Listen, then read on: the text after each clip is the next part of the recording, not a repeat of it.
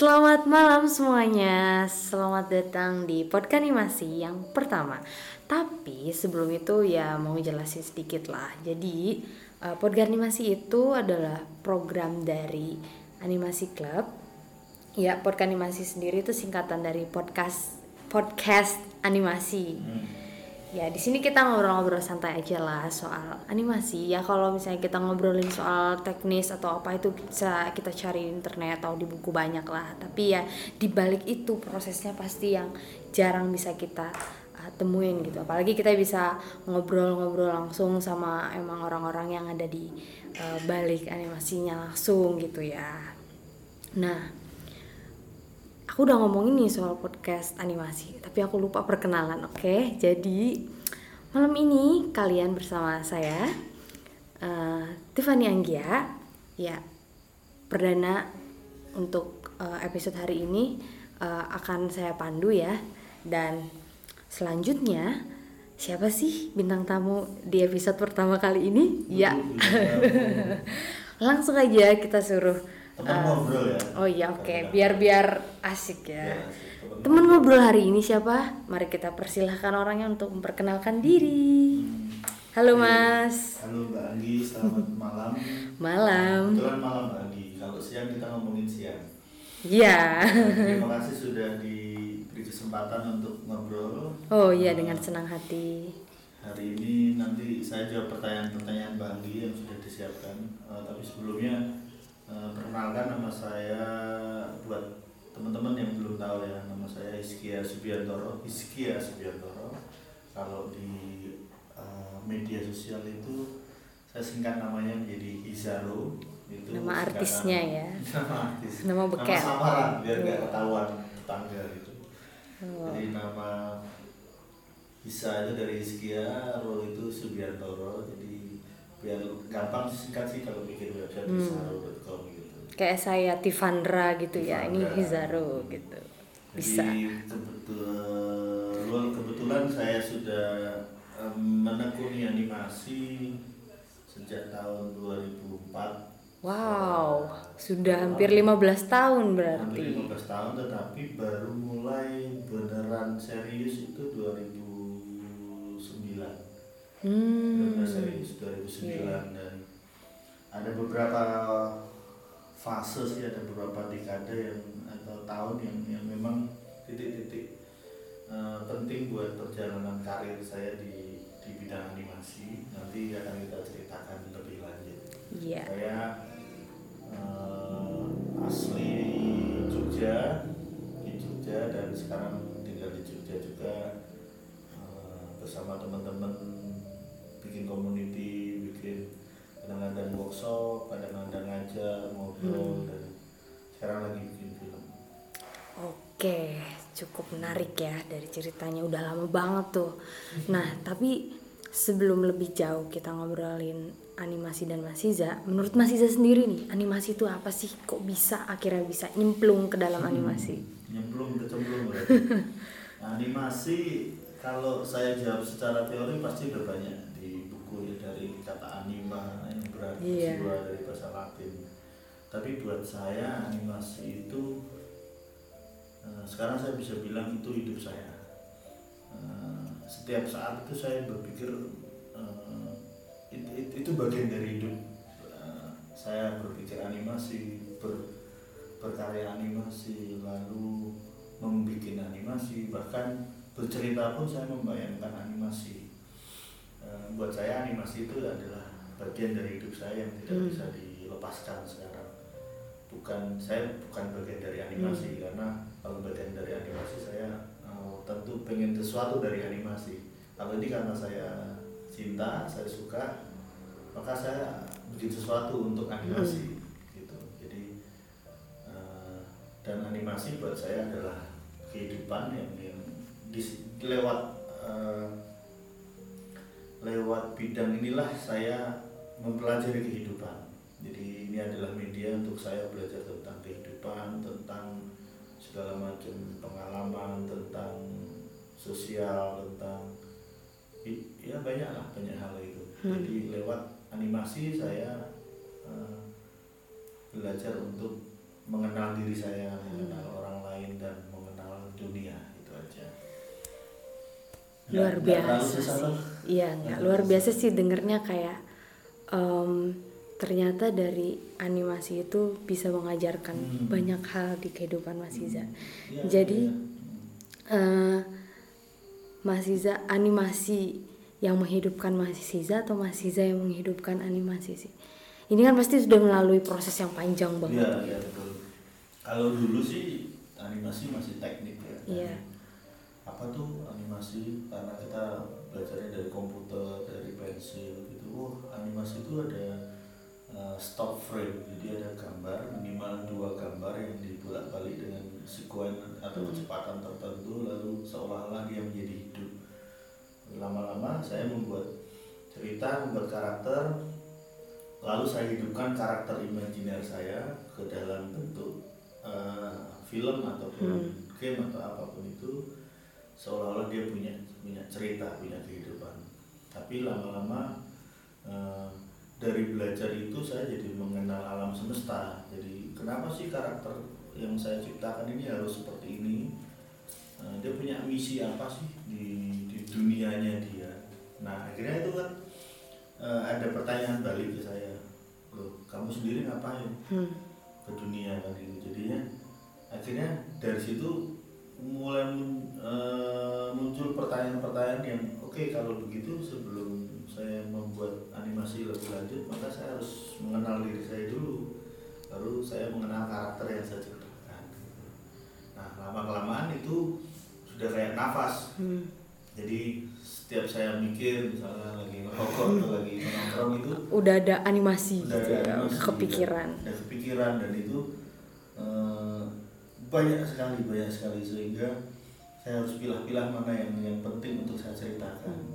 Lalu nanti ada sampai di mana kenapa saya bikin animasinya ini kenapa Hmm. bukan itu? Ya karena eh, sebelum saya membuat animasi untuk orang lain maka saya harus membuat animasi untuk diri sendiri misalnya. Apa yang saya tahu. Yang saya tahu kan tentang tentu tentang dari mana saya berasal dari mana orang tua saya lalu ada cerita menarik gak dari orang tua saya gitu. Hmm. Nah, karena saya tahu mengalami maka saya lebih gampang untuk cerita dan dan lama-lama juga itu berkembang cerita dari mulai hal-hal yang paling dekat orang-orang terdekat atau pengalaman sehari-hari itu saya tambahkan dengan keadaan-keadaan hari ini Hmm, iya iya. Jadi aku dengarnya juga cukup amazing maksudnya nggak sebanyak orang gitu yang berpikir bisa belajar dari animasi, bisa belajar banyak, bisa belajar kehidupan dan luas gitu kan merambat ke mana-mana. Bisa dibilang kan animasi itu cukup maruk gitu. Dan di dalam animasi semua seni ada di situ gitu.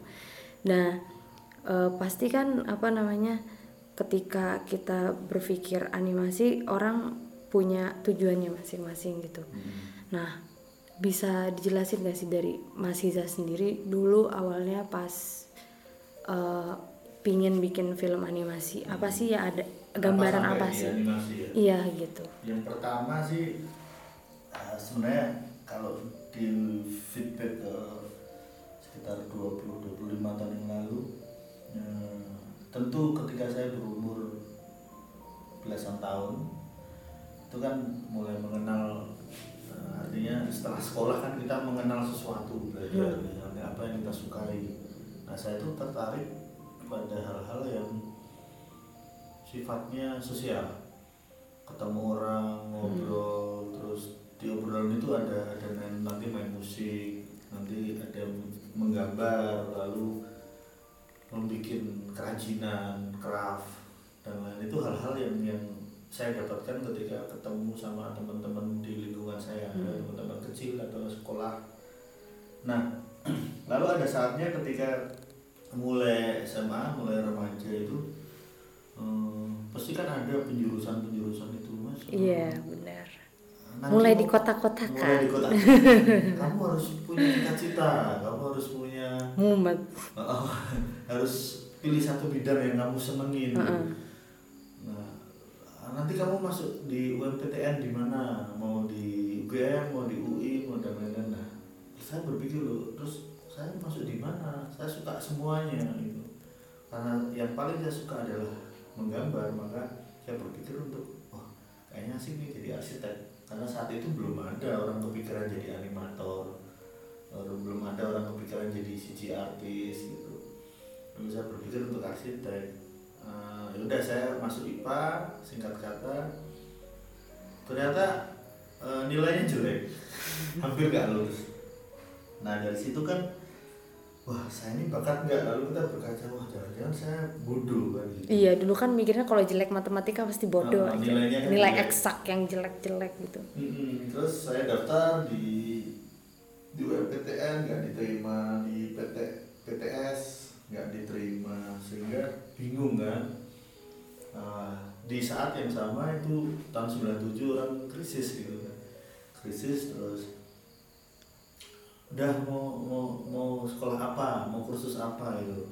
Waktu itu yang baru ngetren itu adalah mulai ada dunia komputer. Dunia komputer terus tanpa sengaja saya melihat sebuah brosur sebuah eh, kursus gitu satu tahun di situ ada yang namanya desain grafis. Apa ini desain grafis? Saya lihat oh desain grafis itu ternyata ada orang bikin sablon stiker gitu ada orang bikin spanduk airbrush ada orang pegang komputer. Wah ini asik nih. Akhirnya saya daftar dan diterima. Nah di situlah pengembaraan dimulai. Oh ternyata ada yang namanya industri advertising ada yang namanya industri industri apa namanya majalah percetakan Hmm, percetakan. dan lain-lain. Nah, lalu saya belajar dua hal yang saya sukai waktu itu adalah komputer dan eh, airbrush manual jadi lebih ke percetakan gitu. Udah saya belajar. Karena senangnya karena senang belajar hal yang saya sukai maka saya menjadi salah satu lulusan terbaik saat itu. Wow. Padahal tadinya SMA kan hampir nggak lulus karena dianggap bodoh nilai padahal memang belum menemukan lingkungan yang Ah. tepat sih. ternyata kalau belajar hal yang disukai itu eh, kita jadi semangat. lupa waktu atau sampai ya nggak mandi ya mandi, biasa lah anak desain. gitu kan. terus ya udah dari situ krisis terjadi kan. Eh, tapi ya saya beruntung karena waktu itu ada satu perusahaan besar di Kudus eh, itu mencari karyawan mencari desainer. Lalu saya coba daftar lalu dipilihlah tiga terbaik. Nah saya adalah salah satunya ya udah setelah itu singkat kata saya kerja di sebuah percetakan terbesar di Asia Tenggara saat itu. Yang ada di pabrik umur saya 19 tahun waktu itu. Saya merantau terus saya bekerja. Ternyata saya yang pada saat itu eh, salah satu lulusan terbaik aja sampai di sana nggak bisa kerja. Kenapa? Karena eh, di pabrik itu kan orang eh, mereka belajar otodidak dan terus menerus dan ada deadline sementara saya di di kampus tuh deadline-nya paling satu semester tiga bulan atau empat bulan Iya. gitu.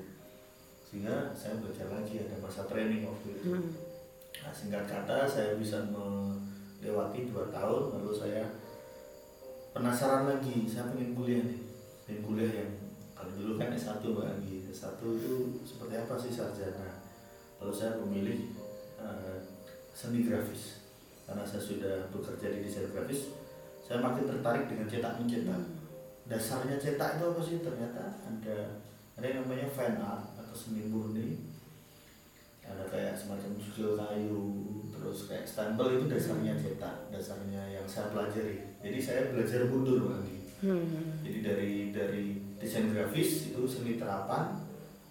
Penasaran ini dari mana asalnya? Ternyata dari seni grafis jadi saya belajar mundur Hmm, belajar mundur nyari basicnya dari gitu basicnya ya semakin saya ingin belajar ke yang lebih lanjut Hmm. maka semakin eh, dalamlah saya Iya. menggali akarnya harus bikin fondasinya dulu gitu biar Fondasinya tahu dulu. nanti Hmm. ke depannya Ada kalau bikin sih apa pun waktu iya itu. ada pengalaman Eh, waktu partai itu kan ada oh kita bikin stiker yuk iya saya mulai mulai belajar sablon saya nggak punya teorinya itu langsung aja buat langsung ya tapi ternyata gagal Hmm.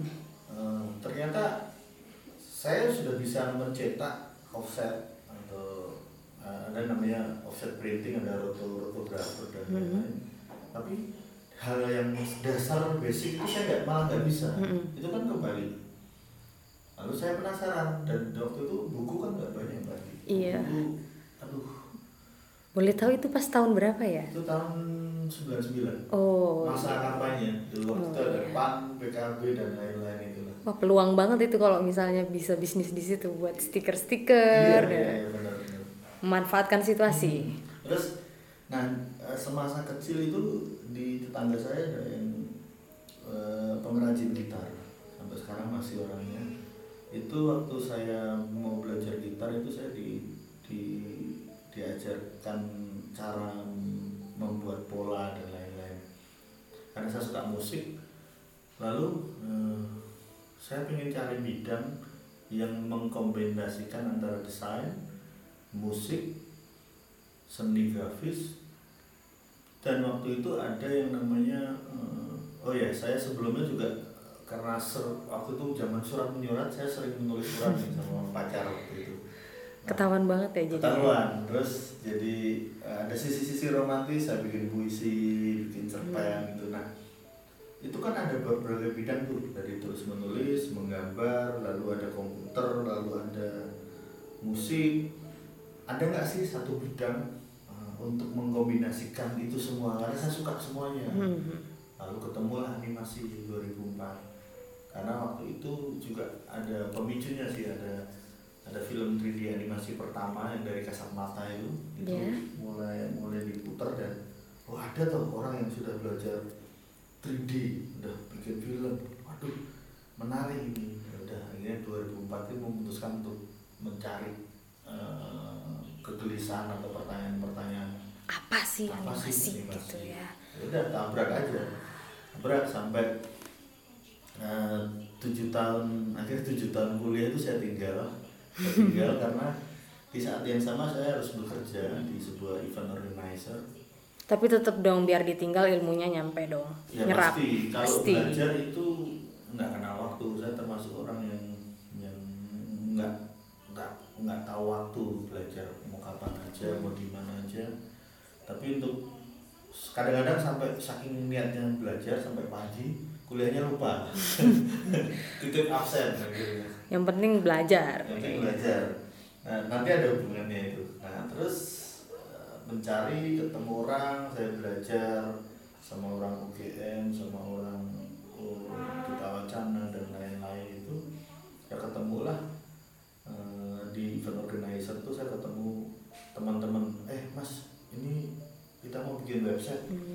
bisa nggak tolong desainin website terus ada animasi gifnya waktu itu Hmm. misalnya iklan mobil ada Gerak sedikit, itu. iya Terus, biar menarik. eh, toolnya waktu itu ya pakai Photoshop kan Photoshop berapa itu tujuh atau berapa itu jadi saya bikin gif Yang masih gambarnya ada bulu ayam itu. ada itu bulu ayam terus terus ada juga orang yang minta bikinin CD, CD interaktif Hmm. jadi CD interaktif bukan eh, paling gampang kayak website tapi offline Hmm, bisa dijelasin tuh mas gimana? ya CD interaktif itu eh, dulu kan zaman CD itu Mm-mm.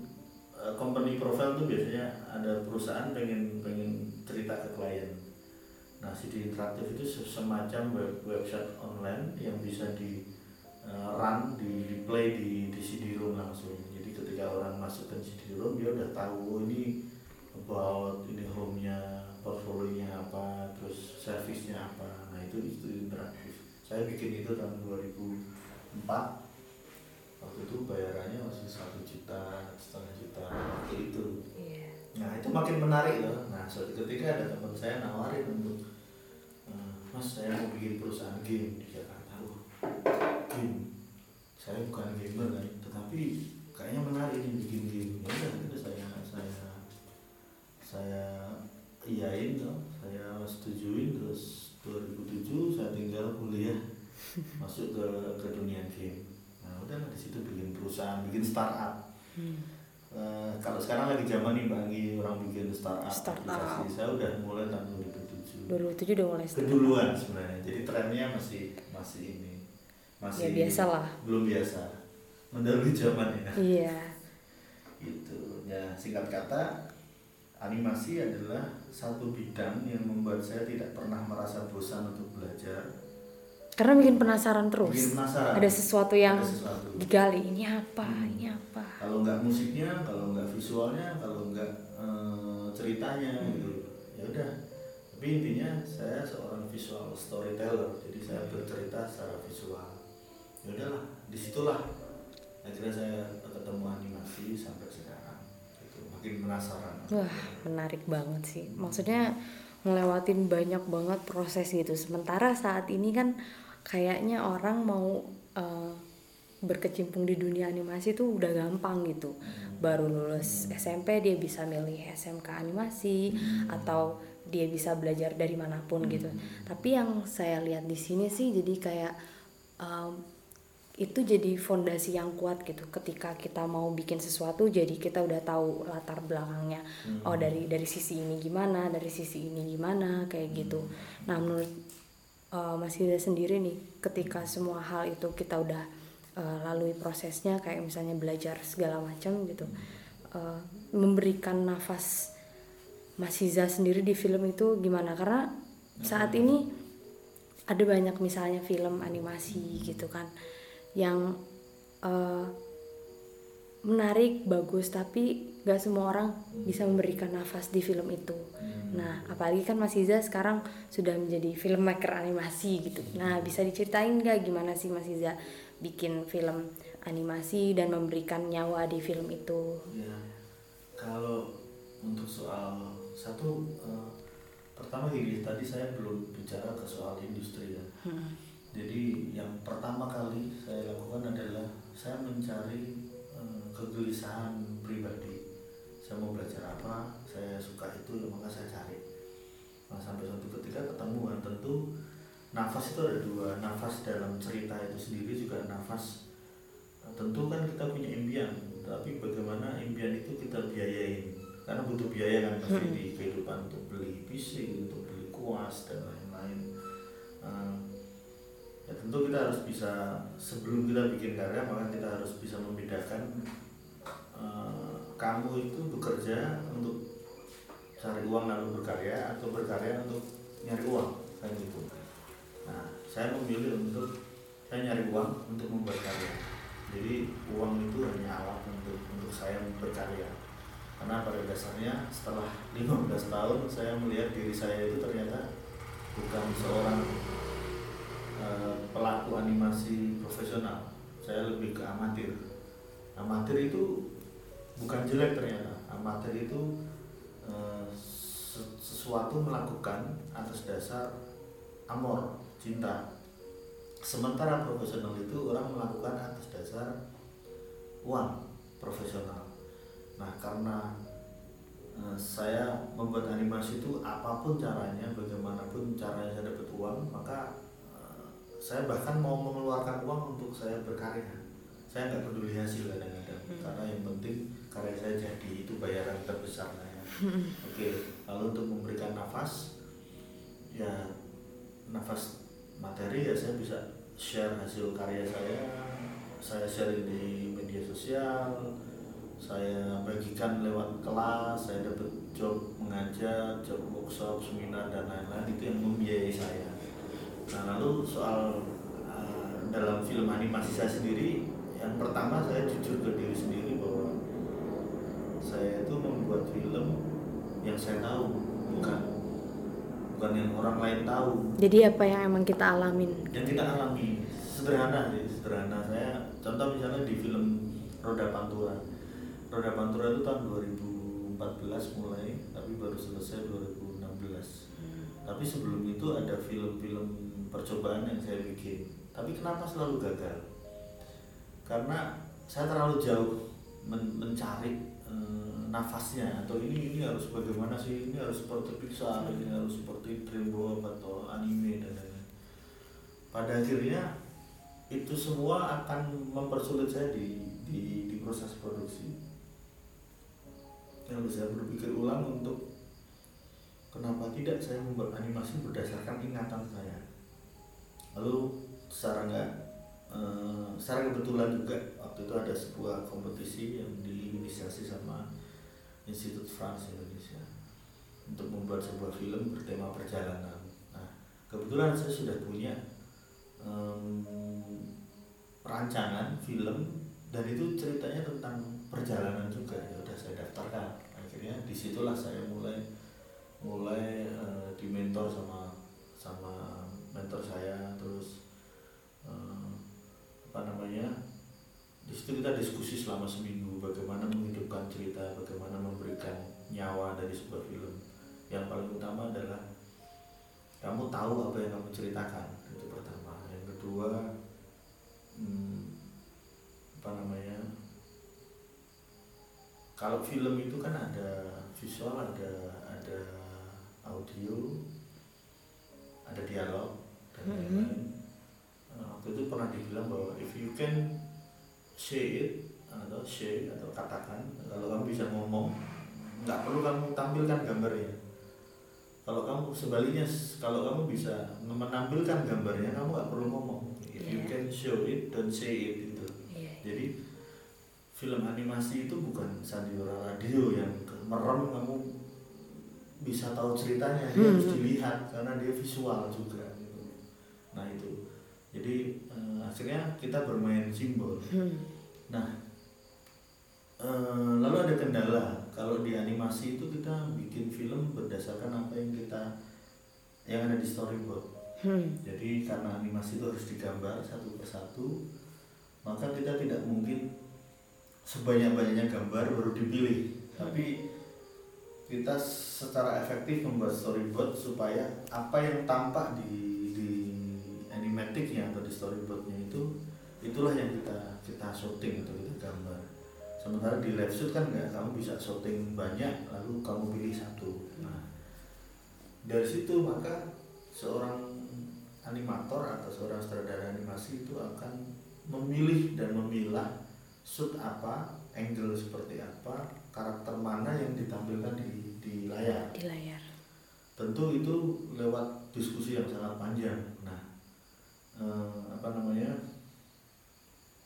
eh, kemudian kemudian akhirnya berpikir bahwa apa yang tercetak di kanvas atau di scene atau di kamera itu sudah mengalami proses panjang.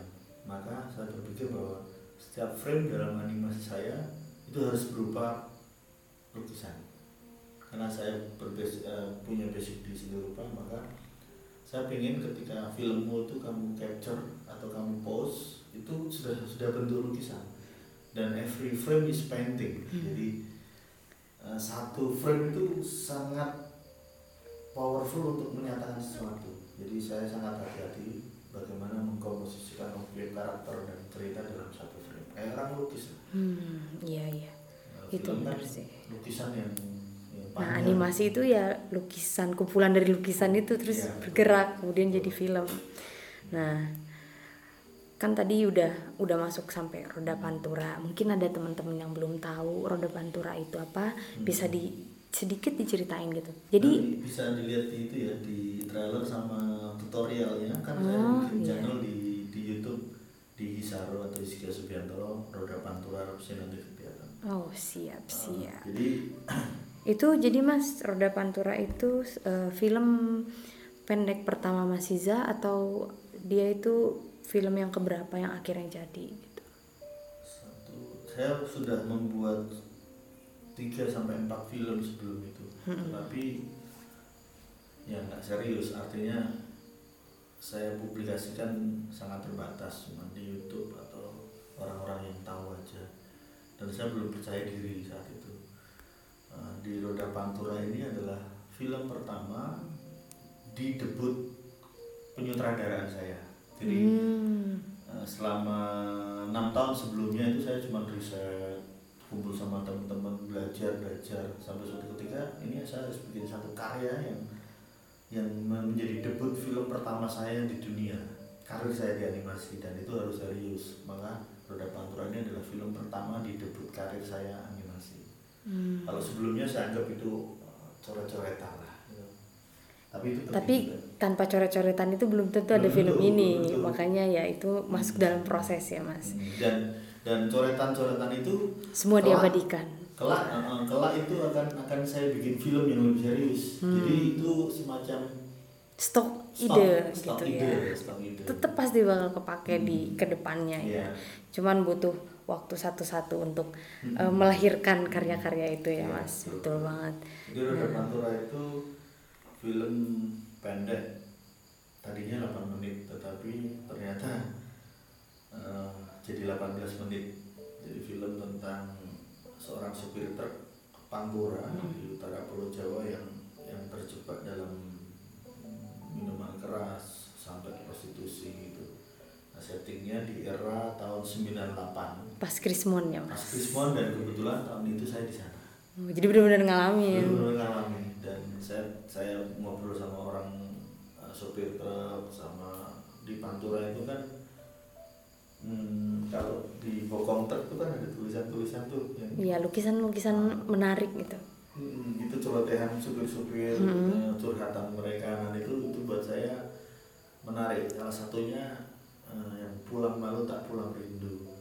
Itu simbol bahwa sebenarnya mereka itu pengen ketemu keluarga pengen pulang ketemu anak istrinya tetapi malu kenapa karena uangnya belum cukup untuk Hmm. menafkahi sementara kalau mereka nggak pulang mereka rindu Kangen gitu. nah itu kan pergolakan batin sangat batin dan itu Menarik. menarik. Itu saya, Iya. saya angkat kebetulan juga uh, style animasi dalam roda pantura atau visualnya ini sangat lokal banget. Jadi Hmm. saya menggambar di situ juga tidak terlalu dis- tidak ada unsur Disney-nya, tidak ada animenya. Saya bikin ya kayak orang gambar biasa. Jadi uh, itu memang di apa yang sering kita lihat di Indonesia warnanya karakternya gitu nanti bisa dilihat ada tutorialnya. Iya boleh ya teman-teman dicek di YouTube. Nah, aku sendiri eh, ngedengar cerita Mas Iza yang maksudnya cukup lama di animasi pun bisa tidak percaya diri gitu untuk Hmm. Bikin film. Hmm. Jadi buat buat yang lain nih, misalnya Hmm. orang-orang yang baru di dunia animasi gitu, Hmm. eh, bisa sambil jalankah riset dengan percaya diri atau gimana sih caranya eh, kita bisa percaya diri gitu untuk eh, membuat karya? Karena di luar sana kan banyak orang yang mungkin dia punya banyak ide tapi belum cukup percaya diri untuk Hmm. Menampilkan karya mereka atau mau mulai bikin karya. Menurut saya sih mulai aja dulu apa yang kamu bisa, nggak perlu mikir macam-macam. Karena ada saatnya di mana kamu ada di saat kamu tepat secara skill kamu sudah mumpuni, secara karakter dirimu sudah oke, lalu keadaan eh, kehidupanmu juga oke. Di situlah ada kepercayaan diri untuk kamu keluar dari wilayah eh, dari nyamanmu ke publik? Jadi itu sebenarnya bukan percaya diri dalam arti saya minder enggak. Mm-mm. tapi lebih kepada eh, tentu seorang seniman atau developer atau pembuat karya itu kan pengen karyanya sempurna. Nah padahal karya itu tidak pernah ada yang sempurna kan? Jelek dulu. jelek dulu. Nah eh, bisa jadi hari ini kita anggap itu sempurna tapi besok pagi ternyata ada cacat Kalau otak kita berkembang pasti ada Pasti. aja. artinya Ini nih ada- kurang di sini nih gitu. Ada hal di mana itu cukup pada saat itu dan dan ada satu quote waktu itu selesaikan pada saat karyamu itu belum sempurna karena di situlah kamu nanti belajar banyak dan kamu sempurnakan di karyamu berikutnya Hmm. nah itulah nah saya mungkin karena di Indonesia ini eh, saya ketemu anak-anak muda yang usianya 5-10 tahun di bawah saya saya melihat mereka itu anak-anak milenial itu ya ya berkarya upload berkarya upload tapi di di era saya kalau kamu Mhm. belum serak itu kamu belum muncul itu kekurangan di era saya Hmm. karena pada saat itu kita anggap bahwa karya kita ini harus harus yang sempurna gitu. Nah itu kelemahan saya sekaligus itu keunggulan bahwa kami di generasi saya itu eh, ya lahir-lahiran tahun 70-an akhir lah sampai 80-an awal itu merasa bahwa eh, untuk menghidangkan sesuatu itu harus harus enak gitu. Padahal nggak perlu enak juga gitu. karena enak itu ternyata selera jadi film bagus itu selera Eh, sorry film itu disukai atau enggak itu tergantung penonton. Tetapi kalau kalau prosesnya kamu serius maka prosesmu itu tidak akan berbohong pada hasil akhir kan gitu. Hmm. jadi intinya sih ketika berkarya memang sungguh-sungguh gitu hasilnya seperti apa nggak usah pikirkan. Nanti biar karya itu yang menemukan ya, penontonnya ya. itu ketika kamu sungguh-sungguh maka karyamu itu juga akan sungguh-sungguh hasilnya itu hmm. nah seperti itu kerja keras tidak akan mengkhianati. Ya itu kata-kata ya di sebuah lagu. dan ternyata memang uh, jawabannya akan saya temukan mm -hmm. tahun lalu ketika saya di Jepang bahwa ternyata saya compare tuh mbak. Saya suka suka film biografi atau buku-buku tentang perjalanan seorang tokoh misalnya Soekarno, Miyazaki atau Steve Jobs. Saya baca itu suka. Terus saya compare umurnya. Kapan seorang Hayao Miyazaki membuat karya pertamanya. Ternyata dia menjadi seorang animator ketika usianya di awal 20-an lalu dia menjadi seorang in, in, in, in between artis seorang jongosnya industri hmm. sampai puluhan tahun. Terus ada saatnya ketika dia sudah cukup siap dia dipercaya menjadi supervisi. Lalu karirnya naik menjadi seorang uh, apa namanya sutradara di film series lalu akhirnya film panjang usia rata-rata sutradara di di luar negeri itu yang itu usianya di atas 30 ketika mereka hmm. debut pertamanya. Jadi, sama lah ya ketika sama. Mas Iza mengeluarkan kira -kira roda pantura.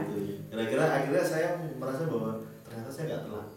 Jadi saya melahirkan karya pertama itu di di, di kematangan uh, karakter saya sendiri. Nah yang kemarin-kemarin tuh anggap aja latihan nah itu. Cuman anak sekarang kan karena media banyak informasi banyak maka dia dia nggak perlu lama-lama sih sebenarnya nunggu harus sampai mateng. Hmm. justru prosesnya jelek itu juga harus dilihatin supaya banyak feedback dari hmm. dari rekan-rekan. Iya jadi orang tuh nggak tahu bagusnya aja harus tahu hasil di belakang itu tuh kayak gimana susahnya prosesnya pusingnya mikirin idenya gitu. Nah Mas Iza sendiri ada nggak sih role model gitu role model atau sosok yang Mas Iza kagumin di animasi gitu atau gimana? Kalau di animasi ya tentu awal-awal saya belajar dari Pixar. Jadi film yang pengen saya bikin waktu itu ketika uh, tahun 2003 kalau nggak salah 2003 atau 2004 saya nonton film Ice Age hmm. dari Blue Sky itu dan ada video pakai VCD waktu itu behind the scene-nya itu masih bacaan lagi internet belum banyak saya tonton berulang-ulang. Wah gila ya. Ada sebuah studio yang isinya senang-senang.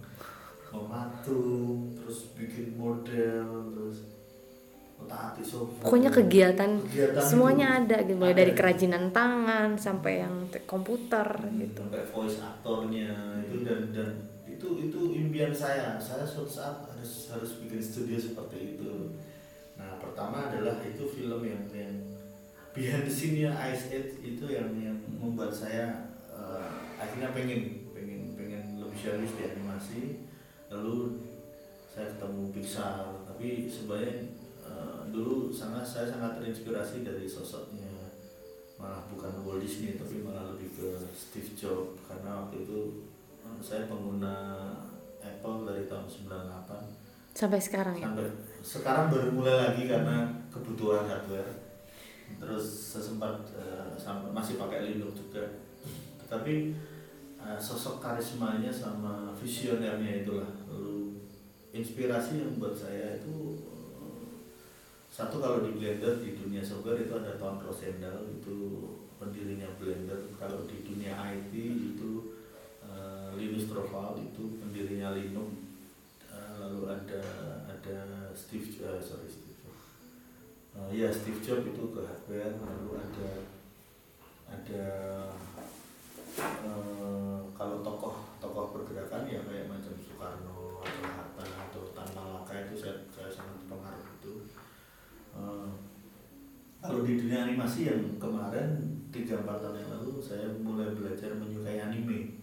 Karena sebelumnya tuh saya paling benci nonton film anime.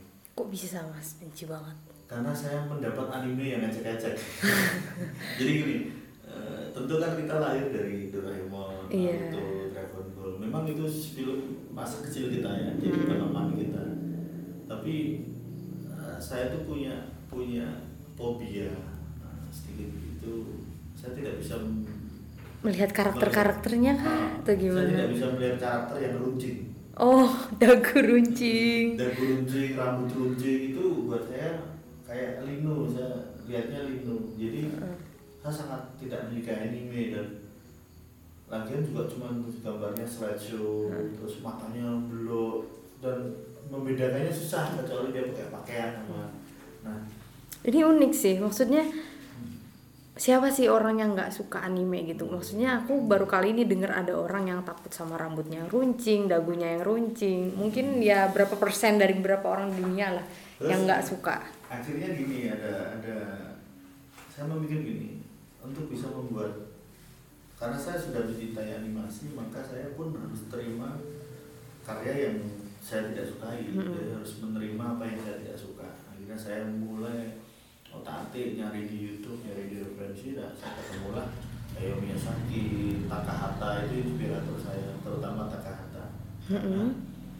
kalau Hayao Miyazaki itu lebih ke dia seorang pekerja Etos kerjanya gitu, Etos kerjanya. spirit. tapi kayaknya itu bukan saya Iya. saya pemalas saya lebih ke Takahata yang dia tetap bisa menjalani kehidupan nggak ngoyo tapi filmnya tetap kuat dan realitasnya juga eh, Apa tuh salah satu favoritnya ya, film Takahata? Only? Yesterday terus eh, Prince Kaguya Iya. terus apa itu yang yang Pom Koko itu terus yang eh, Fireflies yang yang tentang korban pokoknya semua Wah. film mereka saya suka. Kalau Miyazaki saya paling suka yang eh, Neighbor Totoro atau Spirited Oh. Away? Spirit Away itu saya suka eh, tapi terlalu inilah terlalu mainstream lah. Saya suka yang eh, 97 itu apa tuh yang Prince apa yang di hutan ini Ah, Mononoke. Mononoke, Prince, Mas, Princess. Mononoke, Pokoroso, Oh, Pokoroso, ya itulah. itu, itu yang, yang saya suka yang itu kalau Lebih hafal uh, judul bahasa Inggrisnya juga sih saya daripada judul bahasa Jepangnya nggak ya, terlalu apa. Jepang ya kalau ah, Mama Kotoshimnya saya nggak terlalu suka karena Hmm. ya saya suka yang yang gitu yang yang klasik Hmm. terus Disney sih saya suka tapi saya nggak suka Mickey Mouse dari dulu saya lebih suka karakter yang kayak Donald Bebek yang sial gitu. Oh, jadi kalau kalau Mickey Mouse itu kan selalu beruntung saya sebel sama karakter yang beruntung dan dan untuk gambar gak ada tantangan sih kalau Mickey Mouse kalau saya suka Donald Bebek karena satu gila itu orang keren banget gitu suaranya lucu, Dan suaranya suka- unik. nggak nggak suka karakter hero Ya, Hmm. nggak terlalu menurut saya ya superhero itu nggak punya visi jadi Terus gimana dengan di Indonesia banyak banget tuh karakter superhero. Iya, Mereka kan, nggak punya visi dong. Eh, superhero itu pahlawan itu kan karena orang yang kelihatan aja ya Mm-mm. Ya. gampang sih untuk menjadi karyawan kamu tinggal gampang aja suruh orang bakar Indomaret misalnya Kelihatan di depan gitu. Ah, kamu kelihatan di depan sementara saya lebih suka karakter yang sebelum sesuatu terjadi dia sudah mencegah itu Jadi yang berpikir strategi. uh, yang berpikir Gimana? sebelum semuanya terjadi dia mencegah itu terjadi ada potensi kebakaran nih. Mm-mm. Uh, kalau dalam waktu lima menit ke depan kalau ini tidak saya selamatkan maka itu akan kebakaran. Nah dia tidak populer memang karena dia mencegah sesuatu itu terjadi. Nah, tetapi orang-orang seperti itu kan orang-orang yang berpandangan tajam. Kalau di tokoh nasional kita ada Gus Dur. Gus Dur itu ya kalau nggak ada dia ya Indonesia ya remuk juga tahun 99 nah cuman dia nggak populer artinya bukan hero gitu Uh, dia orang waskita yang berpandangan tajam. Nah saya suka orang yang seperti itu. Uh, karakter yang punya pandangan tajam. Ada nggak sampai saat ini karakter yang kalau di animasi ya? Hmm, yang menurut Mas Iza, wah ini nih. menurut saya eh, gini eh, sebelum ngomong itu kayaknya kita ini eh, dicekoi sama film-film dari novel Hollywood atau apa gitu ya. Film di industri itu kan kalau bisa endingnya harus senang Happy ending happy gitu ending. ya. Nah, sementara saya melihat hidup itu kan nggak happy ending pada akhirnya kan mati Iya. kan gitu jadi atau kata Khairil Anwar itu uh, kita cuma menunda ke kekalahan gitu saya pikir saya berpikir untuk bagaimana membuat sebuah film yang yang realis yang yang ya memang dia bisa imajinatif bisa imajiner tetapi ya nyata itu nyata di dunia dan dan si karakter itu memang bisa menderita dan nggak harus menang kadang-kadang mengalah untuk sesuatu yang lebih lebih apa baik di depan nggak masalah karakter hmm. itu ada pada siapa ya kalau di Donald Bebe itu ada Lang Linglung hmm. Lang Linglung itu seorang ilmuwan yang menciptakan sesuatu. Terus kalau di wayang ada karakter yang mungkin tidak disukai banyak orang yaitu Sembuni. Uh, Sembuni itu provokatornya. Tapi kalau wayang nggak ada dia nggak menarik. Dia kan uh, mengadu mengadu antar karakter sehingga terjadi perang gitu. Nah tetapi sebenarnya kalau nggak ada dia maka tidak ada hasil yang baik. Hmm. nah, itu karakter antagonis ya saya lebih suka yang itu. Terus di kalau di Batman itu saya suka Joker. Oh udah kebayang sih nah, pasti. kalau di uh, yang nyuri untuk kebaikan itu siapa tuh? Yang Robin Hood. Robin Hood. nah saya suka yang seperti yeah. itu. Dia tuh buat orang pemerintah atau orang-orang petinggi ya dia itu musuh. Tapi buat rakyat kecil dia pahlawan gitu Hmm. Jadi, tapi ada tetap ada value-nya kan maksudnya bukan ada, yang sekedar dia ada. ngacauin ada. sistem atau dia apa memang orang yang ditugaskan untuk untuk apa ya untuk ya masa hidup normal-normal aja gitu. Nah, uh, jadi bukan seseorang yang di depan layar itu saya nggak terlalu suka dan terlalu mainstream lah. Hmm. Gitu. Kalau di uh, film ya itu tadi kalau Mickey Mouse saya nggak suka apalagi Spider-Man atau Batman, Superman itu terlalu inilah terlalu sempurna lah dan itu bukan manusia. Menarik sih, mulai dari kita ngomongin uh, soal sosok bisa ngerambat sampai ke karakter-karakter. Nih ada nggak kira-kira misalnya dari kar sosok karakter tadi yang Steve Jobs atau Takahata tadi itu yang mirip ada di karakter film kartun misalnya mas? Maksudnya di film dari sosok dari sosok orang yang masih kagumin gitu mirip sama salah satu karakter film gitu atau mereka punya karakter kuat masing-masing gitu yang nggak bisa disamain. Susah sih kalau untuk dalam film nggak, saya nggak belum menemukan. Hmm. Saya pikir setiap film itu kan ada keunikannya hmm. sendiri hmm. dan memang orang yang suka superhero ya akan dia cari film superhero. Saya lebih suka film dokumenter sebenarnya. Hmm. Jadi film yang saya suka. Nah, ini sebenarnya dunia yang sangat berbeda. Saya membuat film fiksi, tetapi hmm. referensi saya malah dari dokumenter, bukan dari film animasi fiksi gitu jadi dokumenter sama fiksi itu bedanya dokumenter itu data apa yang terjadi uh, itu nyata hmm. sementara fiksi itu kan karangan hmm. itu imajinasi sutradaranya atau penulis ceritanya nah uh, sosok khususnya sih nggak ada sih tapi kayak film apa ya Tokyo Godfather itu hmm. bagus tuh seorang ada tiga karakter berbeda hmm seorang bencong yang, yang menemukan bayi sama temennya yang pemarah satunya itulah jadi itu karakter yang ceritanya sederhana cuma bagaimana mengembalikan si bayi itu ke pangkuan orang tuanya mm -hmm. tapi karena tiga orang karakter ini kuat maka konfliknya jadi kuat jadi karakter itu memang sangat penting mm -hmm. dan juga termasuk uh, environment atau dunia tempat karakter itu tinggal. Karena dunia itu akan mengeluarkan si karakter. Contoh yang terakhir itu Spider-Man First hmm. itu nggak biasanya saya lihat film film apa namanya film superhero. superhero. Se excited itu ya? excited itu karena saya lihat uh, visualnya dan dan sekarang sudah mulai genre film-film kayak di next Netflix itu ada next gen ya. karakter sekarang tuh yang disukai yang tomboy yang rebel yang sedikit pemberontak. Hmm. karena males ya yang lurus-lurus oh, terus males. Ya. itu zaman dulu lah. Dan di dunia nyata juga nggak nggak semua orang lurus-lurus iya. harus ada yang rebel. Ada satu hal yang, yang menarik setelah dua hampir 25 tahun lulus SMA maka kan ada lama juga ya? Lama juga eh, seumuran saya. Seumuran ya. Ada banyak eh, teman-teman yang yang dulunya dianggap rebel bolosan malas sekolah tapi 20 tahun kemudian mereka adalah orang-orang yang yang berhasil justru kalau yang lurus yang ya belajarnya tertib ini yang mereka mencari wilayah nyamannya Mm-mm. ya biasanya kerjanya di pabrik Mm-mm. terus jadi karyawan yang baik jadi energinya nggak cukup besar Mm-mm. untuk men- melawan keadaan atau keterbatasan mereka nah, itu yang saya sukai Mm-mm. karena saya sendiri juga pemalas saya sering nyari shortcutnya karena saya membaca sebuah penelitian bahwa otak kita itu memang didesain untuk istirahat untuk kita malas bekerja keras. Jadi saya pikir karena di situlah kita nyari shortcut nyari jalan pintas atau jalan yang lebih efektif.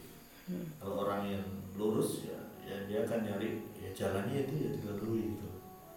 Nah orang malas itu merasa dirinya lemah sehingga dia nyari kekuatan dari dari merancang sistem untuk dia bisa lebih bisa sampai di tempat yang sama dengan orang-orang yang kuat tadi.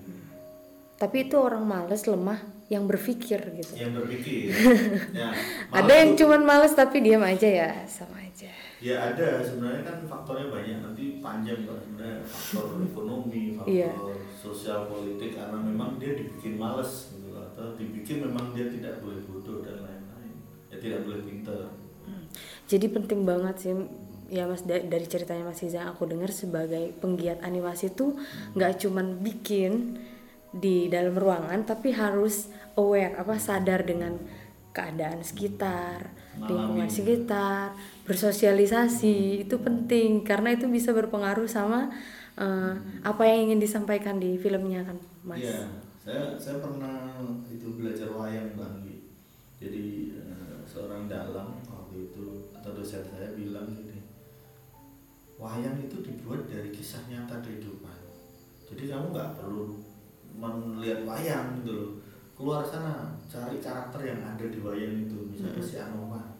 Ada nggak sih di dunia nyata? Pasti dia terinspirasi dari dunia nyata.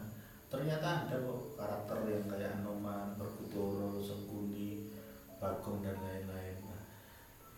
Wayang ini atau animasi ini adalah perwujudan secara virtual Mm-mm. karakter di dunia kan gitu. iya Jadi maka sumbernya adalah alam semesta. Orang-orang yang kamu temuin itu bisa menjadi cerita, bisa eh, pasti punya cerita. Setiap Hmm. orang punya cerita menarik. Nah, cuman kan tidak semuanya bisa diceritakan. Harus kamu ambil yang penting dan, dan menurut kamu pas gitu. Hmm. Jadi sebetulnya ya kalau sekarang kan banyak orang kayak ngerasa dia kekurangan inspirasi, stres nyari ide. Padahal sebenarnya yang gampang ya keluar gitu. Lihat alam sekitarmu gitu. Iya, iya. Ya, banyak kok itu. Cuman eh, merealisasikannya itu yang Nah, susah. iya itu. Itu itu banyak. Murah kadang-kadang nggak ada harganya. Tapi mewujudkannya itu harganya susah. Harganya mahal gitu. Nah, menarik ya animasi bisa merambat ke mana-mana gitu. Ya karena animasi kan kehidupan, Pak. Kehidupan. Hmm, jadi menghidupkan dan dan itulah kehidupan. Kalau di istilah Jepang mungkin udah jadi ikigainya Mas Hiza ya, Ya, alasan ikigai. untuk hidup. ya, itu filosofi hidup nah setiap orang hidup itu kan modalnya eh, pertanyaan dan cara berpikir tuh. jadi dia bertanya bingung maka dia cari jawabannya di jawaban itulah dia menemukan sesuatu yang akhirnya itu menjadi pelajaran. Dan setiap orang itu tidak harus sama. Kalau di sekarang itu saya melihat kalau teman-teman tahu tuh ada artificial intelligence. Nah, manusia itu ya artificial intelligence yang harus dia bisa menjadi berisi di dalamnya. Itu kalau dia nabrak-nabrak kalau dia dapat masalah Mhm. jatuh bangun lagi jatuh bangun lagi. Sampai suatu ketika dia menjadi seorang yang kuat karakternya karena karena pengalaman hidupnya bukan sesuatu yang diisi lalu cuma bisa itu itu kan mungkin sama halnya kayak hewan kan Robot. robot hewan ayam ya di fungsinya apa sih ya, kayak gitu Ya udah kayak gitu aja. tapi nggak ada akal Mm-mm. sementara manusia itu kan akal makhluk akali jadi ya ya dan animasi itu hanya salah satu cara untuk bercerita Hmm. sebenarnya nanti kalau lain kali kita ngomongin industri itu seperti Nah. apa dan siap untuk episode selanjutnya ya. Ya episode selanjutnya. Dari segia dari sekian macam media yang ada gitu. Hmm. mungkin tadi ada udah dijelasin sebagian tapi apalagi sih hal yang bisa bikin Mas Iza milih animasi untuk bercerita dibanding media yang lain gitu? Gampangnya gini mbak. Contoh misalnya saya tuh bisa masak nasi goreng. Hmm. enak tapi masa saya harus jualan nasi goreng kan gitu.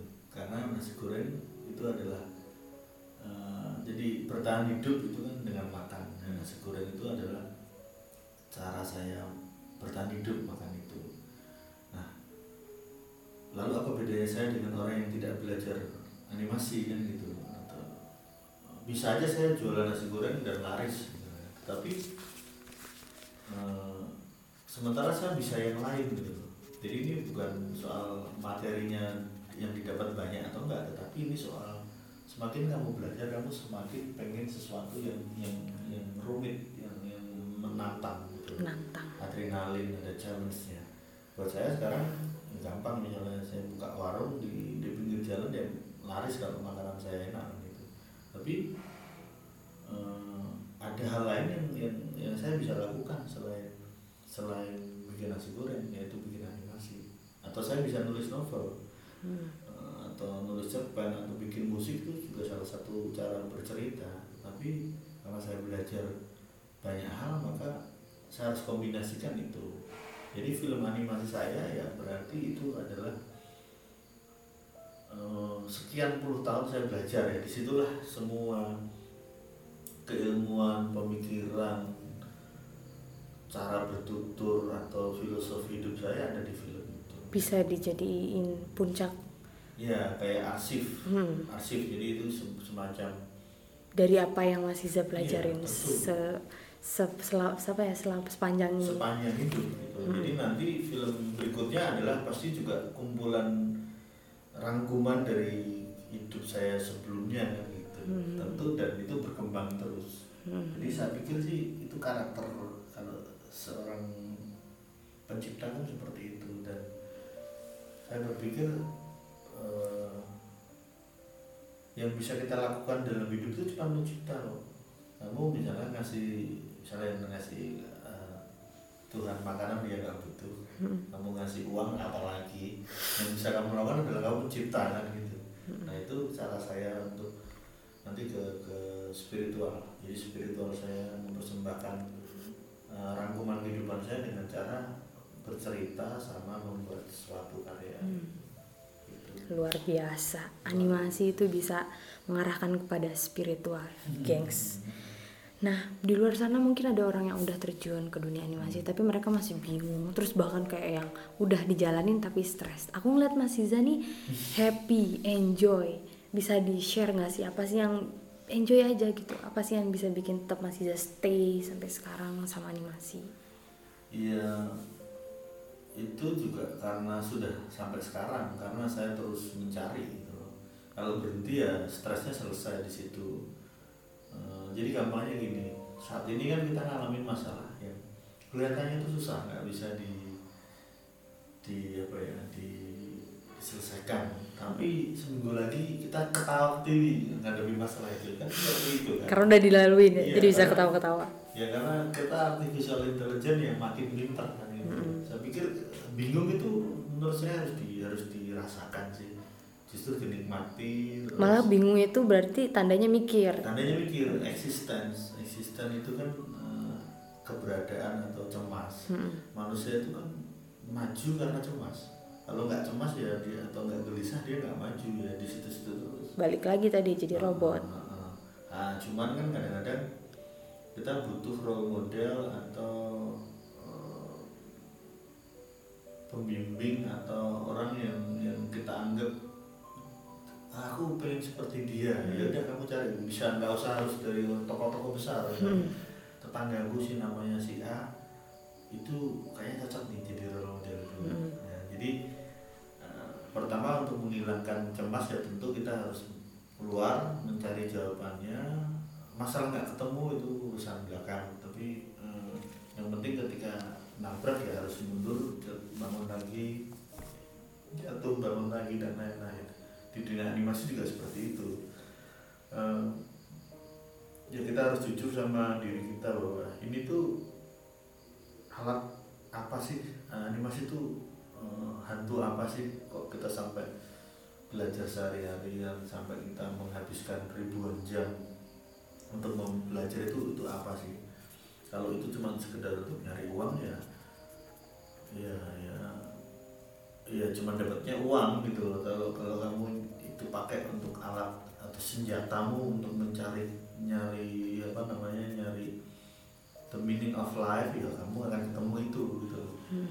hmm. dan dan itu eh, apa ya alami aja sih mbak jadi nggak ada nggak ada kapan kamu harus uh, sukses dan lain-lain itu kan ukuran-ukuran yang dibentuk sama sama industri sama orang-orang sekitar. Saya pikir yang penting kamu enjoy kamu dapat nilai moralnya kamu belajar sesuatu dan jangan lupa itu di share karena ketika di share maka orang bisa belajar dari kamu kan gitu. Terus itu juga menjadi arsip dunia. Misalnya kamu bikin aku bisa menggerakkan objek A ke ke tempat B. Mungkin itu sederhana buat kamu karena anda menemukan. Tetapi buat orang yang baru belajar itu itu anugerah oke okay, guys. Jadi apa pun itu jangan lupa diarsip ya mas itu penting di banget. Di share di share dan share itu kan nanti ingatan-ingatan hmm. itu akan di akan masuk ke misal kayak kita ngobrol gini kan kita hmm. akan share nanti. Mungkin pembicaraan ini buat orang yang yang senior ya biasa gitu. Yeah. tapi buat orang yang baru mau mulai ini wah ada tuh yang kayak gini gitu. dan dan pasti ada orang yang yang butuh ada yang nggak butuh ada yang pro ada yang kontra hmm. tapi intinya sih ceritakan aja semua perlu bercerita hmm. Hmm. Hmm menarik tapi emang ini sih yang aku harapin dari pembicaraan ini hmm. maksudnya pusing kalau ngomongin soal teknik dan lain-lain hal-hal yang seperti ini yang harus banyak orang tahu gitu karena kalau misalnya nyari soal uh, apa namanya teknik lagi hmm, atau itu harus. Hmm, pasti ketemu gitu nah uh, apa namanya Mas Hiza sendiri apa aja sih yang udah apa ya kontribusi kontribusi Mas Iza di dalam animasi apa aja sih yang udah Mas Iza uh, curahkan gitu di dalam okay. kehidupan Mas Iza kontribusi animasi dalam kehidupan atau animasi uh, atau hal apa yang saya saya lakukan untuk animasi yang mana hal apa yang masih saya lakukan untuk animasi selain misalnya berkarya dengan film yang pertama ini uh, kan kita saya tinggal di Jogja di sebuah uh, pulau namanya Jawa Jawa bagian dari Indonesia Indonesia bagian dari Asia hmm. Asia bagian dari dunia kan gitu. hmm. yang pertama ini uh, saya memulai sesuatu dari apa yang saya tahu dulu. Atau yang saya saya penasaran. Ketika saya tahun 2009 itu saya keluar dari kerja eh, lalu waktu itu kan eh, lagi isunya banyak pembajakan software misalnya. Lalu ada nggak sih eh, software yang, yang gratis artinya gratis dalam hal ini lisensinya misalnya.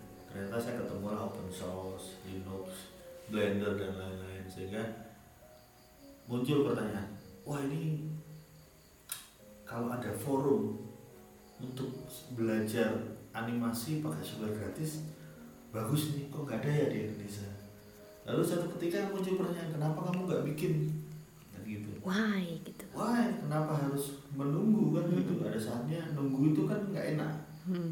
kelamaan nih lah nunggu kalaupun datang belum tentu cocok hmm. gitu. ya udah kenapa nggak kita mulai kan yeah. lalu saya memulai untuk bikin komunitas nah di situlah ketemu orang-orang yang sama seperti saya kita kumpulkan lah terus yuk kita bikin project eh yuk kita sharing di sana di sini itu satu jadi pertama di 2010 itu eh 2009 itu saya bikin komunitas software Blender waktu itu udah jadi udah hampir 10 tahun tahun ini 10 tahun dan saya menemukan teman-teman yang sama. Terus satu ketika saya bikin project animasi bersama mahasiswa saya atau teman saya satu komunitas. Terus bingung nih animasinya mau di di di screening di mana? Terus ternyata ada festival. Festival yang apresiasi ya apresiasi. Udah kita coba di festival. Masuklah di festival. Terus suatu ketika saya 2015 saya ke ke Eropa di Annecy festival animasi tertua dan terbesar di dunia. Saya mendapat banyak hal Pak Anggi. Dari orang pecinta animasi seluruh dunia ada di sana. Dan mereka nggak mengenal negara nggak mengenal ras dan lain-lain pokoknya kamu suka animasi ya kamu ngobrol gitu animasi menyatukan semua. Nah, menyatukan semua tanpa melihat tanpa melihat background. agama dan ya lain-lain tanpa melihat latar belakang. Mhm. nah setelah pulang dari sana kan otomatis saya pengen cerita nih Mhm. karena kebutuhan manusia setelah makan dan minum tuh bercerita. Bercerita. jadi aku cerita sama siapa ini sama tentu tentu orang terdekat. Waktu saya ngajar saya cerita sama mahasiswa saya termasuk Pak Andi kan waktu itu. Terus saya cerita dan eh kayaknya kalau saya cerita setiap komunitas itu kan tenaganya banyak. Hmm. terus jadi eh, harus direkam nih atau harus di harus di, di dokumentasikan. dokumentasikan. Lalu bagaimana kalau di, eh, di Jogja kita bikin anu komunitas pecinta animasi ada diskusi ada nonton film yang saya tonton di sana Mhm. saya saya yaudah akhirnya tahun 2017 awal Januari saya bikin animasi club. Lalu ketemulah teman lagi teman-teman satu Jogja yang di kampus ada pengangguran ada pecinta ada orang-orang industri. Nah di situlah kita ber, ber- berkomunitas bercerita. Nah tadi yang online tuh yang di Blender lalu yang ini yang offline lalu kita kebutuh nih kayaknya sebuah festival yang tidak melulu ngomongin film dari segi eh, nggak harus 3D nggak harus komputernya yang canggih-canggih ada Mm-mm. farm ada tool macam-macam. Padahal kan sederhana ya mbak. Heeh. Nah, animasi itu kan kayak flipbook dua frame udah cukup. Udah kelihatan bergerak. Udah kelihatan. Simple. Nah, sesimpel itu. Lalu saya berpikir untuk ada nggak sih di dunia yang festival animasi yang khusus memutar film-film berbasis handmade atau handcraft. Nggak banyak ternyata. Kenapa tidak saya bikin? Nah, dia pertanyaan itu lagi. Kenapa nggak Hmm. saya bikin? Ya akhirnya saya bikin dengan craft pertama. Ini yang kedua tahun ini. Eh, terus tambah lagi nih nanti muncul saya bikin eh, saya mikir gini. Setelah film pendek ini lalu film kedua saya apa? Mm-mm. Saya berpikir kalau saya bikin film pendek karena Roda Pantura kebetulan masuk ke berbagai festival di Eropa, di Amerika, lalu Jepang dan Korea gitu. Nah, kalau saya bikin film pendek, maka prestasinya cuma akan itu, di sekitar film pendek istilah film pendek itu ya. Dan saya pikir film kedua saya dan saya punya janji sama diri saya, saya pengen bikin film panjang animasi di usia 40. Nah, di usia 39 saya mulai Nah, lalu bagaimana membuat film panjang animasi sementara dananya kan banyak, Mbak. Dananya terus SDM-nya harus yang sudah tahu animasi ini. Akhirnya saya pikir kenapa tidak eh, skrip saya menyesuaikan keadaan SDM yang ada di sini. Saya mengenal karakter orang Indonesia itu kan pemalas. Satu, ya itu saya sendiri pemalas. Kedua orangnya itu kalau ngumpul nggak bisa lama kalau kelamaan tuh malah berantem. Malah atau yang satunya main gitar satunya malah kayak ini. Jadi saya harus bisa merancang film animasi yang biayanya murah. Kualitasnya nggak murahan. Teknisnya juga eh, sesuai dengan si SDM-nya lalu hardware-nya juga saya nggak perlu banyak-banyak. Saya cuma butuh kertas sama pulpen atau spidol atau cat air lalu muncullah film kosong ini. Kapan-kapan kita ngobrol sama, Iya. Mbak Koni ya nah ini ada bocoran lagi nih. Pokoknya banyak deh yang bakal kita ceritain ya. Pokoknya seru abis lah nanti banyak. Pokoknya ntar tetap ikutin aja terus podcast ini. Menarik banget sih mas. Jadi mulai dari uh, komunitas blender, blender, animasi klub, klub, terus craft. festival ada lagi satu dulu eh, Apa nih, Mas? blueprint industri animasi Indonesia waktu itu diinisiasi sama Kemenparekraf. Mm. Tahun 2013 kami saya bersama Mas Faisal dosen isi dan eh, orang-orang di industri animasi kita berdiskusi untuk membuat sebuah sebuah buku cetak biru industri animasi Indonesia sampai 2019 atau 2025 nah buku itu bisa di-download cari di internet nanti PDF-nya kalau enggak nanti hubungin saya atau Mbak Anggi saya sudah siapkan linknya untuk memetakan dari mulai sejarah komunitasnya mana aja Mhm. filmnya apa aja terus kesulitan yang eh, kawan-kawan kita ngomongin industri, Iya. industri ya kesulitan apa sih di Indonesia itu eh, dunia Hmm, animasi tantangan ada Indonesia, animasi Indonesia di eh, industri gitu di ya. industri Hmm. itu ada sekitar 200 halaman Wow. Jadi itu bisa dibilang jadi kitabnya, Bisa kitab jadi peranimasian salah Indonesia, satu- salah salah satu satu. referensinya ya. Karena buku animasi soal Indonesia juga belum banyak kan. belum banyak orang kita kan malas Males, jadi mendingan ngerjain yang lain keluar gitu ya. Hmm. Jadi ya istilahnya penting juga kita bisa apa namanya berambisi dengan eh, skill kita pribadi tapi apa juga sih yang mau dikasih ke Hmm. uh, value yang dikasih buat banyak orang gitu Iya. seperti ya yang sedang dijalankan dengan masih Masiza dan kawan-kawan gitu. makanya makanya di YouTube eh, ya waktu saya setiap produksi film saya ataupun mungkin project yang Hmm. yang cuma trailer itu saya bikin selalu video tutorial itu secara teknis sampai di roda pantura itu ada tiga DVD ya yang satu animasi 3D lalu 2D yang ketiga roda pantura saya share di situ alasan saya membuat roda pantura misalnya terus Mm. apa sih kendalanya sebagai seorang sutradara independen Mm. dari segi uang dari segi mencari referensi dan lain-lain lalu kesulitan-kesulitan itu saya kumpulkan saya dialogkan lalu saya share dalam bentuk video nah ternyata sambil saya mencari jawaban atas keresahan-keresahan itu saya menemukan sistem-sistem yang lain yang nanti akan saya ceritakan Penasaran kan? Makanya nanti cari sendiri ya guys, nggak usah diceritain semuanya. iya guys Iya. ya asik banget pokoknya dari tadi.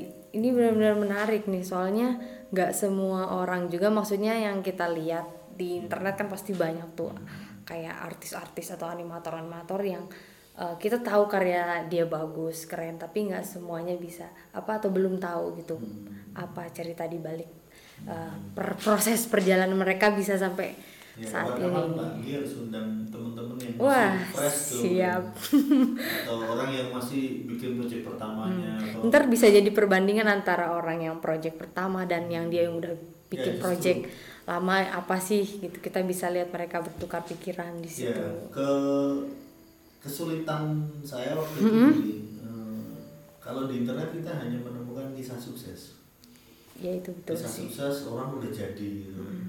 sementara ada proyek-proyek sebelum dia jadi itu pasti banyak gagal Nah itu sih yang menurutku kadang mungkin bikin orang eh, karena ngelihat yang bagus-bagusnya aja ketika mereka ngalamin hal yang di luar ekspektasi mereka belum siap gitu. Ya, dan kebutuhan iklan kan mereka selalu bilang misalnya ada nih banyak, wah bikin animasi itu mudah, uangnya banyak, bisa beli setara industri pesawat. Nah itu kan panjang ya, itu perlu puluhan tahun. Nah, tapi yang paling dekat dengan kita adalah animasi itu ya simple. Eh, Kamu tinggal ambil kertas, pulpen, kamu foto atau dengan androidmu, dengan gula pasir yang ada di depanmu atau dari kopi atau dari material-material yang kamu temuin sehari-hari kamu bisa bikin animasi Jadi apa pun itu direspon konsisten fokus aja gitu terus dibikin Iya, gitu. Karena pasti nanti dia ketemu dengan eh, pasarnya masing-masing gitu. pasti pasti ketemu dan tentu kan zaman sekarang kan orang mulai ditakut-takuti wah bisa nggak sih hidup dari animasi gitu di mana saya bisa Hmm. Buktinya masih sampai sekarang masih hidup. ya kalau hidup kan hidup itu kan nggak ada hubungannya sama animasi. Hmm. Hidup-hidup. makanya, iya eh, kamu punya uang banyak pun makanya sepiring kok gitu jadi hidup itu cara otomatis orang uh, apa ya untuk eksis untuk bertahan hidup itu Mas Iza sendiri nih hidup untuk animasi atau animasi untuk hidup nih hidup uh, hidup untuk animasi uh, sekarang jadi hidup untuk animasi jadi kadang-kadang animasi otomatis dia gini uh, saya nggak pernah hidup dalam animasi. Mm -hmm. saya tidak menggunakan saya mengembangkan animasi bahkan saya menghidupi animasi sehingga otomatis animasi menghidupi saya. Oh, itu udah otomatis ya? Otomatis. Uh. ketika kamu gampangnya kalau kata Soekarno kan jangan kamu tanya apa yang negara berikan untuk kamu tapi apa yang kamu sudah sumbangkan negara. Nah, seperti itu. Di animasi sama kan? Yeah. jangan kamu tanya kamu dapat apa dari animasi? Tapi kamu sudah bikin apa untuk animasi itu cara berpikir ya hmm. simpel basic sih kayak kita uh, apa pun lah ya sebelum kita uh, apa menilai sesuatu kan pasti kita bertanya pada diri sendiri dulu kayak tadi misalnya oh ini animasinya kayak gini-gini tapi apa sih hmm. yang udah kita ya, ini selalu boleh sih berpikir hmm. materi hmm. bahwa industri dan lain-lain boleh tapi sebelum ke sana kan industri itu kan sesuatu yang massal sesuatu yang kayak saya bilang sih di Indonesia industri animasi itu belum belum ada. Baru mau mulai mulai ada. Karena dikatakan industri itu ketika kamu bisa mengakses itu dengan mudah. Hmm. namanya gini hmm, industri apa namanya beras tentu itu sudah jadi industri di sini karena itu kebutuhan. Nah animasi di Indonesia itu belum jadi kebutuhan. Itu baru sesuatu yang wow tidak terjangkau mm-hmm. padahal sebenarnya banyak yang bisa dieksplor nah ketika kita nyari Bang tahu tuh ada berapa film serial di TV atau pernah nggak mendata berapa banyak film pendek animasi yang ada atau buatan orang Indonesia teman-teman gitu. orang Indonesia hmm. atau di bioskop misal kalau ini ranahnya bioskop hmm. ada berapa sih film panjang setiap tahun ada nggak ya minimal kamu bisa melihat ada 5 sampai 10 film tiap tahun ada. Nah di Indonesia kan belum. Film panjang aja belum iya. ada.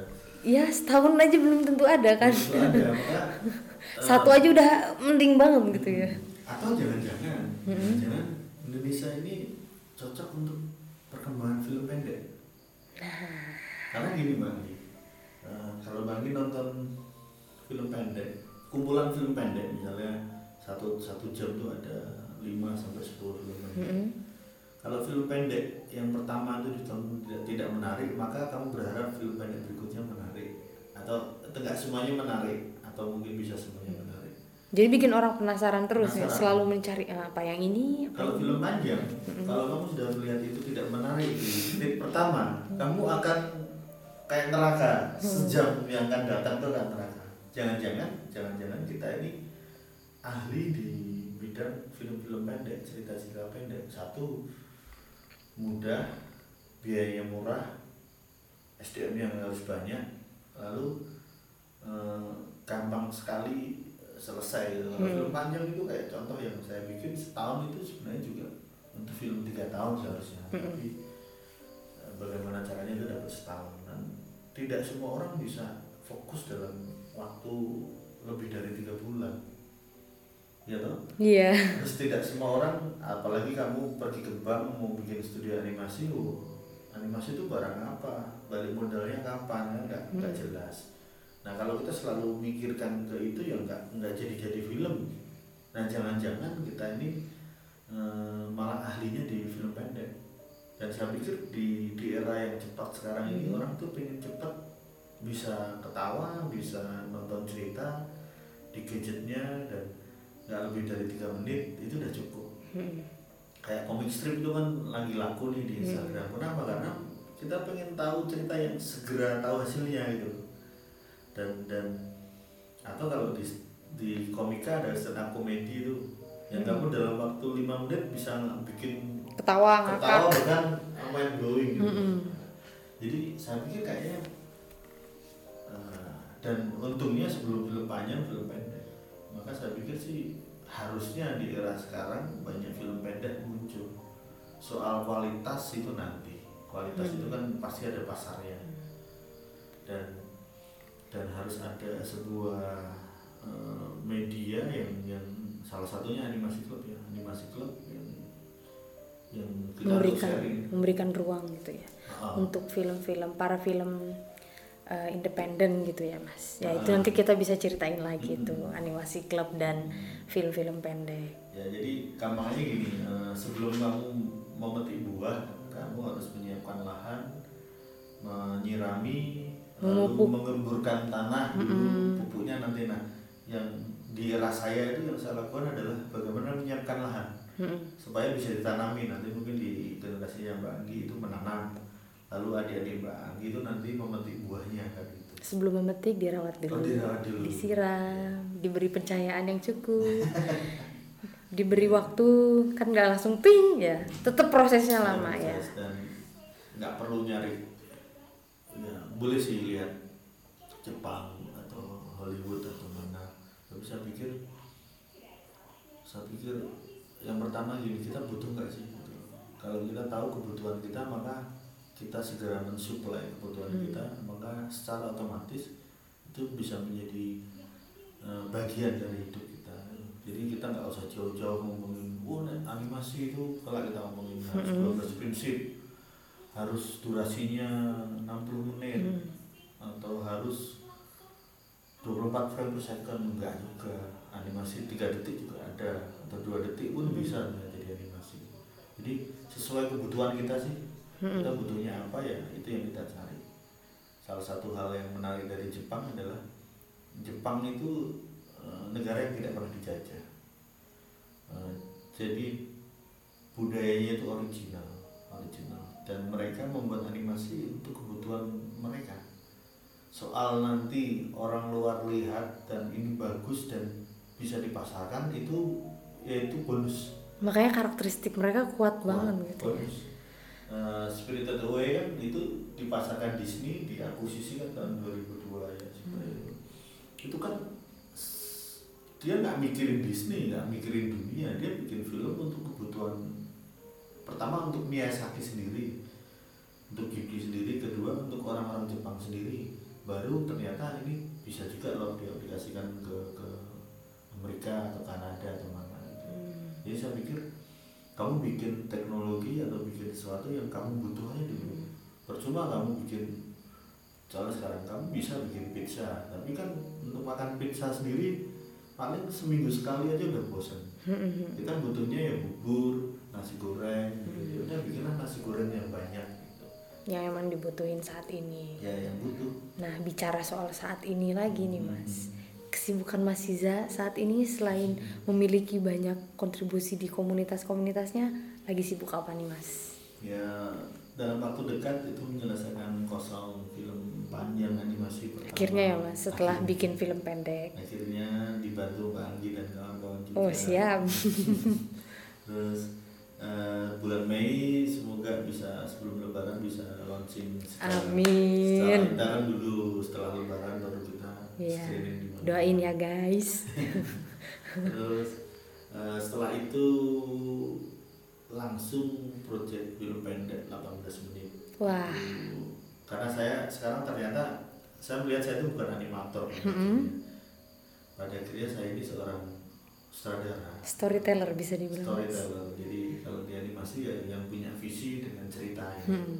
mungkin nanti produser tapi sekarang saya masih enjoy dengan penyutradaraan dan saya punya banyak bank naskah bank cerita yang ingin saya sampaikan. Lalu saya harus menghidupi itu kapan itu harus di, diproduksi dan dan saya pikir kebetulan kemarin ada ada funding. Terus setelah kosong ini empat bulan ke depan bulan September awal itu film 18 menit itu jadi. Setelah itu craft craft di bulan Oktober Padat sekali ya, Mas. Seru sekali ya. Kayaknya tahun 2019 ini 2019 ini nggak akan kerasa ya. sebenarnya nggak padat Klik. mbak nggak nggak padat karena Nggak. karena padat itu kalau kita pikir sendiri Hmm. kalau eh, saya punya partner misalnya Pak Koni sebagai co-producer eh, co-sutradara maka kita bisa berbagi terus di komunitas animasi klub sendiri kan ada teman-teman yang yang bisa menyelenggarakan tanpa harus ada saya. Gitu. terus di craft juga nanti ada volunteer. Core-nya memang memang dari saya dan programmer gitu tapi kan setelah itu eksekusinya kan nggak bisa saya. Toh ini kan kebutuhannya orang-orang animasi. Di Jogja ataupun di mana aja ya, ya tentu harus melibatkan mereka dalam mewujudkan. Hmm. jadi sebenarnya nggak ada orang sibuk sih. Saya pikir cuman bagaimana memilah sama memilih waktu yang tepat aja dan saya pikir saya masih bisa dapat satu proyek lagi sebenarnya. Nggak ada sih bu sebenarnya karena kolaborasi. Ya semua kolaborasi ya kolaborasi. Wah nggak kerasa ya mas. Udah hampir satu setengah jam. Asik banget nih. Tapi kalau kalau misalnya kita tidak dibatasi oleh durasi nih bisa lanjut terus nih. Cuman ya. karena karena ada durasi ya, ya guys tetap ya, aja.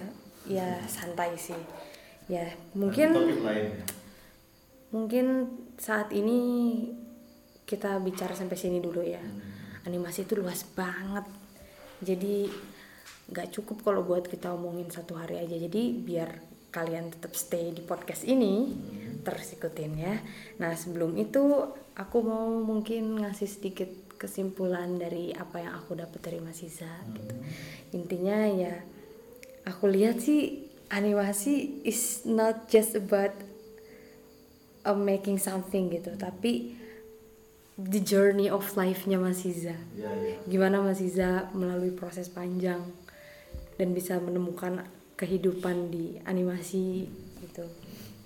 Terus bagaimana Mas Iza dari animasi bisa menemukan spiritualnya? Hmm. asik. Itu keren banget sih maksudku. Gak gak gak terbayang gitu mungkin orang melakukan hal itu tapi dia nggak berpikir kalau ke sana. Padahal hmm. apa yang dia lakukan tuh sebenarnya udah mengarah ke spirit itu gitu. Hmm. dan mungkin Mas Iza ini senang animasi karena organik selalu ada yang baru berjalan gitu. Ngasih tantangan terus Mas Iza buat terus cari tahu belajar ini apa sih terus mencari hal-hal yang di luar boundariesnya animasi yang mungkin nggak terlalu uh, umum bagi hanya cara teknis ya. Mm -mm. satu lagi uh, mungkin saya simpulkan. Animasi kalau udah jadi ini sebenarnya baru menjadi sebuah potensi. Jadi kita punya uang nih. Uangmu itu belum itu baru potensi. Potensi apa? Menghasilkan karya potensi berguna buat orang. Jadi karyamu itu belum hasil akhir. Karyamu itu baru potensi untuk berguna buat orang lain gitu sebelum kamu publis itu belum tentu kelihatan berguna atau hmm. malah jadi sampah tapi nggak perlu dipikirkan bahwa jangan hanya selesai pada pada animasi jadi karya aja karena karya itu juga perlu dirawat dipupuk didistribusikan bahkan diamini atau di hmm, dengerin tuh karena biasanya berakhir di uh, ini aja berakhir di komputer hmm. nggak hmm. di share share dan terus di diwacanakan karena uh, yang kita hasilkan di animasi itu kan anu kita pengen ceritanya seperti ini tapi nanti ketika orang lain melihat dia akan ingat memorinya yang hmm. lain. Dan menurut saya itu yang menarik. Iya. Ketika setiap orang bisa punya persepsi masing-masing gitu yang kita nggak kebayang padahal gue bikin gini gitu kan. Ternyata dia bisa punya gambaran yang beda itu bahkan yang menarik sih. ide, bahkan memberi ide untuk oh iya ya kok kepikiran gitu, gitu nah menariknya di situ ketika itu sama-sama ayo di di apresiasi atau mungkin dikritik atau mungkin dihujat pun nggak masalah ini menurut saya mau dihujat mau dikritik nggak usah Makanya datang ke animasi klub guys, diskusi bareng di situ. Ya ya ya. Oke itu aja lagi. Nah oke. Okay. Satu kata mungkin Mas Iza kalau misalnya ada orang yang bertanya animasi Mas Iza jawab apa? Animasi untuk Mas Iza. Hmm. Apa ya? Satu kata. Animasi adalah hidup ya berarti animation for life asik ya, ya, ya, ya. oke terima kasih banyak Mas Iza atas waktunya terima kasih sudah nanti yang lain nyambung siap. Spesial banget kan di episode perdana ini sama foundernya Animasi Club, foundernya ah pokoknya Mas Iza nih kalian harus ini ya, harus lebih banyak. Harus tolongin ya. Ya, semuanya udah Mas Iza share. Apa yang di-share tuh gratis dan sayang kalau kalian nggak tinggal pelajarin itu semua gitu. Nah, jadi mungkin untuk malam ini teman-teman cukup segitu dulu ya. Tadi udah banyak bocorannya kan jadi tetap ikutin terus podcast animasi nah tapi sebelum itu aku mau ngasih sedikit uh, announce buat apa pengumuman buat teman-teman animasi klub ini kan ada program tiap bulannya. Nah dan bulan ini animasi klub akan mengadakan pemutaran uh, dengan program yang bernama Sorot, yaitu pemutaran yang akan diadakan di desa-desa. Nah, pada bulan April ini, Sorot akan mengadakan pemutaran di Desa Sumber Batikan, Bantul.